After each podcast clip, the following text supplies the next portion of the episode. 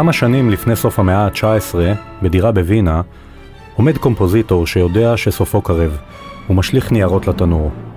מכתבים, ובעיקר מוזיקה שחיבר במהלך חייו, אולי היצירות היפות ביותר שכתב. לעולם לא נדע. יוהנס ברמס רואה את האש מעכלת את עבודותיו ומכתביו, וממלמל לעצמו, כמה זה עצוב. וכמה רחוקה הסיטואציה הזו מנקודת ההתחלה, שבה הוא ניצב 40 שנה קודם לכן.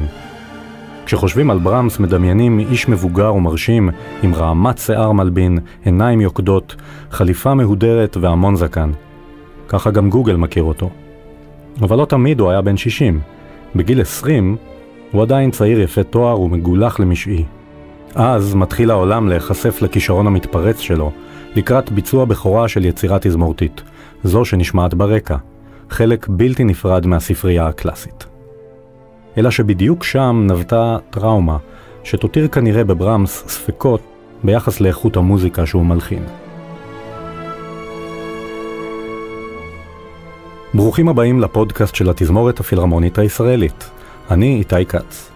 והפעם אנחנו עם הקונצ'רטו הראשון לפסנתר ולתזמורת ברה מינור, אופוס 15. כלומר היצירה ה-15 ברשימה הכרונולוגית של ברמס.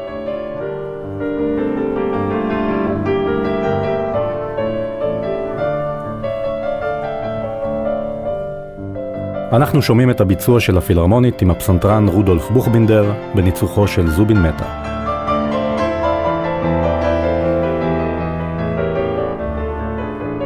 ברמס חי ויצר במחצית השנייה של המאה ה-19, והוא משוייך לסוף התקופה הרומנטית, לצידם של רוברט שומן, שתכף נדבר עליו בהרחבה, שופן, וגנר, ליסט, צ'ייקובסקי ואחרים. ללא ספק מדובר באחד מגדולי המוזיקה באירופה, שגם נכלל בשלישיית הבטים הגדולים, באך, בטהובן והוא. הנה תזכורת קצרה מאחת היצירות הנודעות שלו, חמישיית הקלרינט, שמדגימה את אחד המאפיינים של ברמס, מלודיות אינטימיות ונוגעות, וסערה כבושה שמתפרצת לפתע.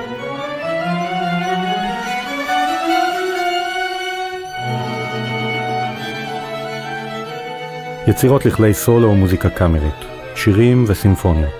כמעט כל היצירות של ברמס זכו לחיבוק חם ונכנסו לרפרטואר הקלאסי לתמיד. הקונצ'רטו הראשון שלו, וגם הקונצ'רטו השני, שעליו בוודאי נדבר בפעם אחרת, מנוגנים בתדירות גבוהה וזוכים לאהדת הקהל כבר 160 שנה. שניהם נחשבים ליהלומים בכתר של כל פסנתרן. אבל ההתחלה הייתה קשה.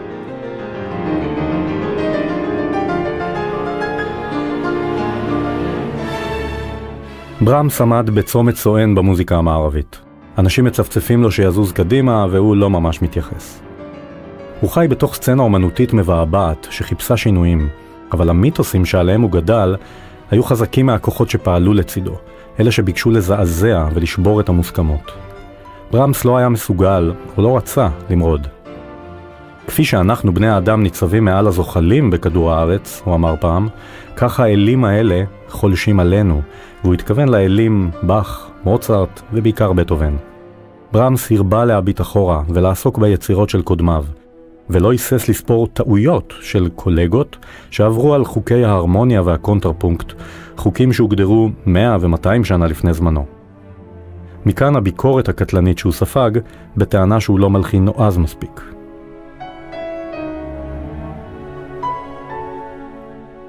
כמו רוב המלחינים הגדולים, ברמס גם היה פסנתרן דגול. הוא היה ילד מחונן שגדל בשכונה לא משהו בהמבורג, סנט פאולי, המקום שכל מלאך שירד הרגע מהאונייה מיהר להגיע אליו.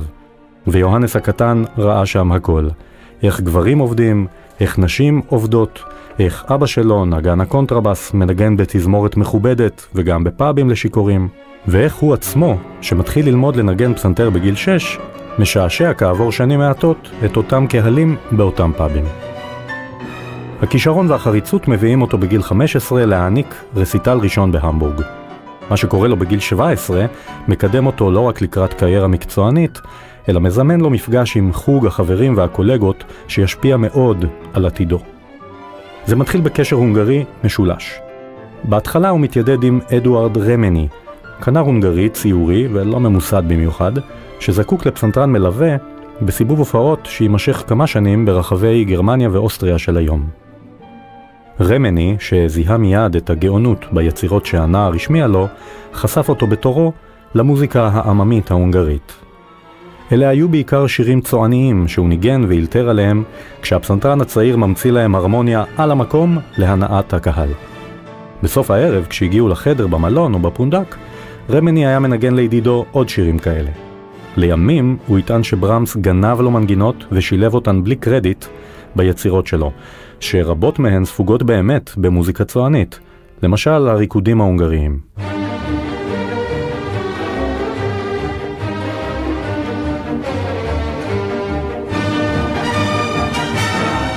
המוזיקה הצוענית עם הסינקופות והסולמות השונים מהמז'ור והמינור של המוזיקה הקלאסית, המוזיקה הזאת מורגשת היטב גם בקונצ'רטו הראשון לפסנתר.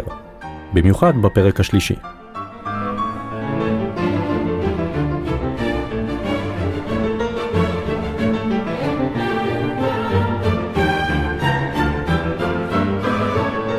החברות עם רמני מתפרקת כשנכנס לתמונה כנר הונגרי ידוע, יוזף יואכים, שיהפוך לשותף משנה סמוי בהלחנה של הקונצ'רטו הראשון לפסנתר. הוא היה מבוגר מברמס רק בשנתיים, אבל בזכות הניסיון שלו בהלחנה, שימש כמנטור שלו בכתיבה לתזמורת, כי זה היה ז'אנר שברמס עדיין חשש להתנסות בו. יואכים היה שם דבר באירופה, ומחובר לכל גדולי הדור, ומכיוון שהוא נפעם מהיצירות שברמס השמיע לו, הוא רצה לפתוח בפני בן חסותו את כל הדלתות. וזה קרה מהר. קונצרט שיואכים ארגן לו בפני מלך הנובר קצר הצלחה. עכשיו הוא ממהר לשגר מכתב המלצה לאחד מגדולי המלחינים והמורים של התקופה, פרנץ ליסט, ההונגרי השלישי בסיפור. הוא מודיע לו שיש ענק צעיר כהגדרתו שחייבים לשמוע. ליסט הזמין, ברמס הגיע ונשאר אצלו לא פחות משלושה שבועות, שבמהלכם הם ניגנו והאזינו אחד לשני.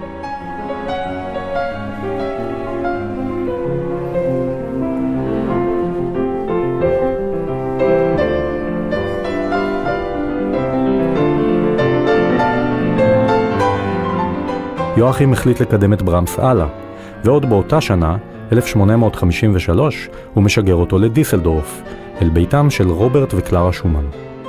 הוא מלחין ענק ומבקר מוזיקלי רב עוצמה בביטאון החדש למוזיקה.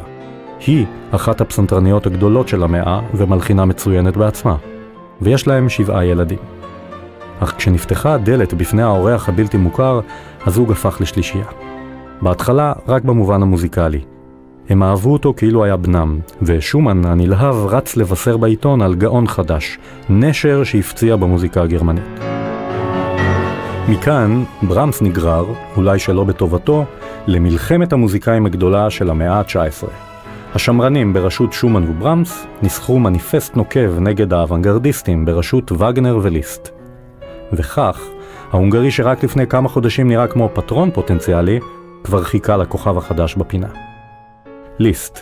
מהניצוץ הראשון של המפגש איתו לא נשאר זכר. המלחין ההונגרי אמנם העניק לו קופסת סיגרים כמתנת פרידה, אבל אולי בגלל הכישרון הצעיר שאיים עליו, ואולי פשוט השמרנות שהרתיחה אותו ואת וגנר, היחסים עלו על מסלול התנגשות, ועברו לקטטות ארסיות על דפי העיתונים המוזיקליים. ליסט לא היה היחיד שנהנה ללגלג על ברמס. צ'ייקובסקי קרא לו ממזר חסר כישרון. והוגו וולף אמר שמדובר בשריד אנושי של עידן קדום. אבל למה להסתפק בביקורת כתובה כשאפשר להיות אכזריים הרבה יותר באולם הקונצרטים? מיד נגיע לזה. בנקודת הזמן הזאת, ברמס מתייגע על יצירה שהכתיבה שלה נמשכת לא פחות מארבע שנים. הוא מחליט לקרוע לגזרים את הסימפוניה הראשונה שלו, אחרי שכבר כתב לה שלושה פרקים מתוך ארבעה. הוא משאיר ממנה את הפרק הראשון. כתחנת ביניים, הוא הופך אותה לסונטה לשני פסנתרים. וכאן המלחין כבר מתאמן בשני פסנתרים עם קלרה שומן. אבל הוא מרגיש שהחומר זקוק ליותר משני כלים. דרושים לו תזמורת וסולן. אם נשמע לרגע את הפתיחה, אפשר אולי לדמיין שלא מדובר בכלי התזמורת שמנגנים אותה, אלא בשני פסנתרים שמנגנים באוניסון, כלומר את אותה מנגינה בדיוק.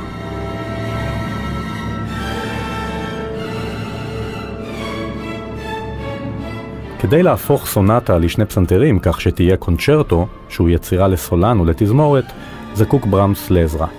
הוא מגייס שלושה מנטורים. המורה הראשון שלו, מרקסן, המוזיקאי יוליוס גרים ויוזף יואכים. שלושתם מסייעים לו בעצות טובות.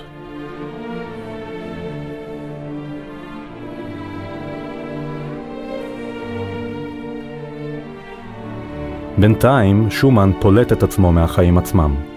חודשים ספורים אחרי ההיכרות עם ברמס, שומן חולה הנפש משליך את עצמו למימי הריין.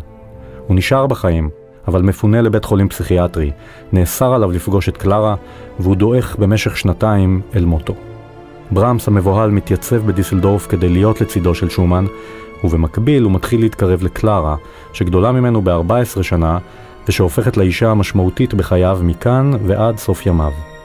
האישה שתהיה מקור ההשראה שלו, מושא ההערצה שלו, ושתבצע את מיטב יצירותיו לפסנתר. הקשר ביניהם, ככל הידוע, היה אפלטוני. החיבור היה טוטאלי.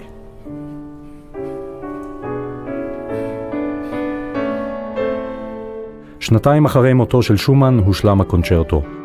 על כתב היד של הפרק השני והאיטי נכתב בלטינית בנדיקטוס קיוונית אינומינה דומיני, יבורך זה שבא בשם האלוהים.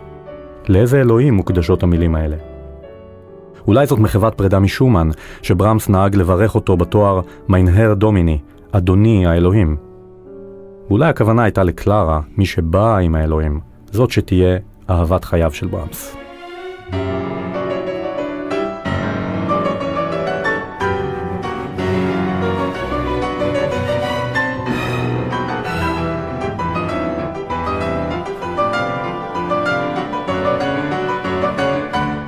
בינואר 1859 מתקיים ביצוע הבכורה בהנובר, כשברמס הוא הסולן ויואכים המנצח, וכעבור שבוע מתקיים כבר הביצוע השני בלייפציג. אם למלחין המתלבט היו חששות מוקדמים, הרי שהם התגשמו מעבר לציפיות הגרועות ביותר שלו. התגובות היו איומות. הקהל לא הגיב במקרה הטוב, צעק בוז במקרה הנפוץ, ומי שכבר כן מחא כפיים, דאגו להשתיק אותו באולם. מי דאג? אפשר לנחש. ברמס ההמום כתב ליואכים אחרי הקונצרט השני שהם קצת הגזימו, האנשים שעשו את זה. אבל התלהבות גדולה לא נרשמה גם בביצועים הבאים. מלבד החשודים המיידיים, יכול להיות שהקהל ציפה ליצירה יותר אופטימית, וגם שתהיה קדנצה. קדנצה היא הדובדבן שמחכה בסוף פרק ראשון של כל קונצ'רטו כמעט, כשהתזמורת משתתקת והסולן לבדו מנגן קטע וירטואוזי יוצר נשימה שמוביל לסוף העוצמתי של הפרק. ברמס הולך כאן דווקא נגד הזרם ולא כותב קדנצה. היא תגיע רק בפרק האחרון. המוציאים לאור זיהו את התגובה ופעלו בהתאם. רק כעבור שנתיים תסכים הוצאה לאור לפרסם את כתב היד של היצירה, תמורת תשלום סמלי בלבד למלחין, וגם, בהשפלה לא קטנה, לא את היצירה המקורית, אלא בעיבוד לארבע ידיים בפסנתר. היו צריכות לעבור 15 שנה כדי שכל הפרטיטורה תתפרסם. וזה כבר יקרה אחרי שהקהל ישנה את דעתו ויתאהב בקונצ'רטו, כשברמס כבר יהפוך למלחין מצליח ומשולם היטב. אגב, הוא אחד המלחינים הראשונים, אם לא הראשון, שחי משכר הסופרים של היצירות שלו, ולא על חשבונם של מממנים, מלכים או נסיכים או סתם עשירים, כמו אין ספור אומנים לפניו ואחריו.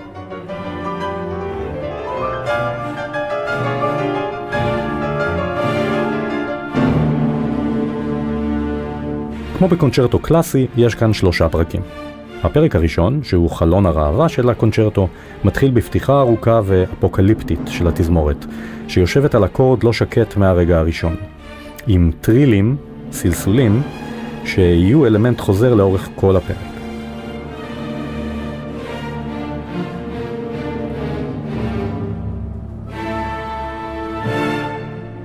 העננים האלה מתבהרים לרגע עם מנגינה שגם היא תשוב מאוחר יותר, אבל לאורך כל הפתיחה של התזמורת ברמס דוחה את הרגע שבו ייחשף הנושא השני, ניגודו של הראשון. הציפייה הזו, גם אם היא לא מודעת, היא אחד הדברים המיוחדים שמעשירים את ההאזנה למוזיקה הזאת כל פעם מחדש. הדרמה חוזרת, הסערה מתעצמת, והיא מבליטה את השקט שמגיע עכשיו. הפסנתר נכנס.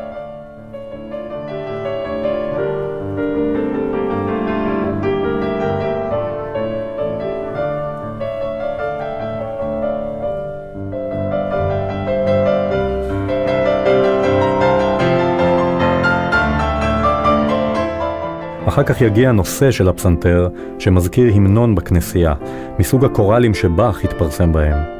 עם משטחי אקורדים, ההמנון הזה סוחט מהקלידים את מה שפסנתרן כמו ברמס יודע לסחוט מהם.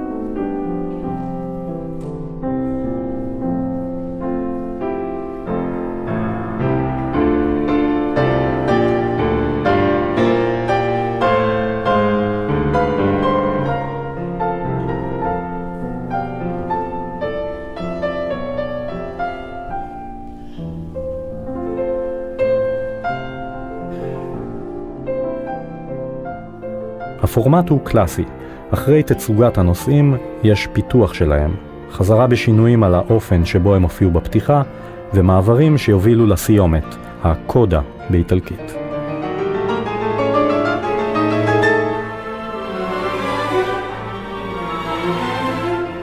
כל זה לא מעפיל כאמור לקראת קדנצה שתוכיח את הווירטואוזיות של הסולן, אבל זה לא אומר שהפסנתרן לא יזיע.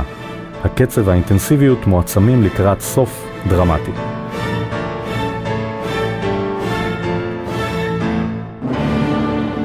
הפרק השני מינורי, מאוהר והרבה יותר קצר.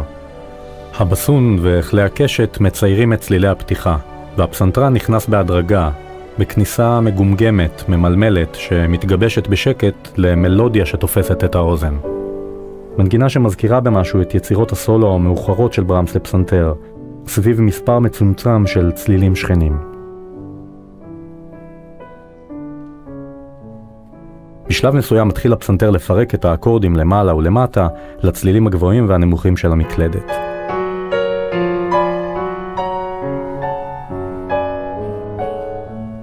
הדיאלוג מול התזמורת שובר מדי פעם את הצמצום, והאינטימיות מזכירה מוזיקה קאמרית, אולי אפילו יצירה לכלי אחד בלבד. האיזון בין הפסנתר לתזמורת נוטה לסולן, הוא המרכז. התזמורת כמו ממלאת את החללים ומשלימה את האווירה, שהיא כאמור מאוהרת, חופשייה ומשייטת בזמן.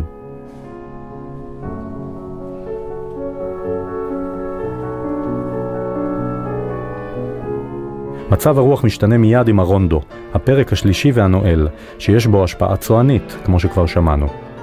רונדו הוא צורה מוזיקלית של א', ב', א', ג', א', ד', א', הנושא הראשון הוא א', מגיע נושא ב', חוזר א', מוחלף בג', חוזר א', וכן הלאה.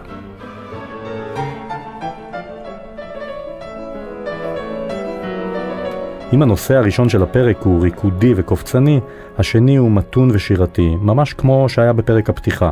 שוב מין המנון רחב על הרמוניה שובת לב.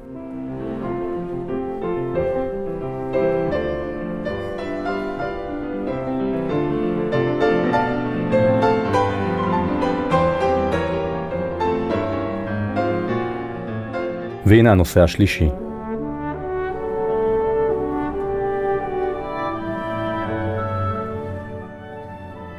אחר כך תגיע פוגה קטנה בסגנון באך.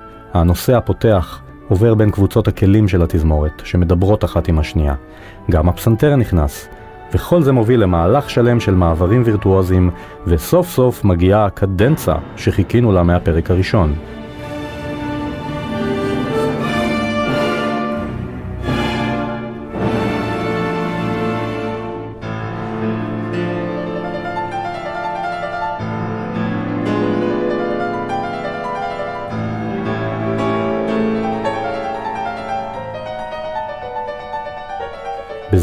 ובאלגנטיות, לא כמו בקונצ'רטי רבים של התקופה שמכים בכל הכוח, מגיעים לפינאלה. שם כבר נפרץ הסכר המאופק לקראת סיומת ארוכה ומבריקה שמזכירה איפה אנחנו נמצאים. שיא הרומנטיקה, שיא הפסנתר. הקונצ'רטו הראשון לפסנתר של ברמס, זאת קלאסיקה.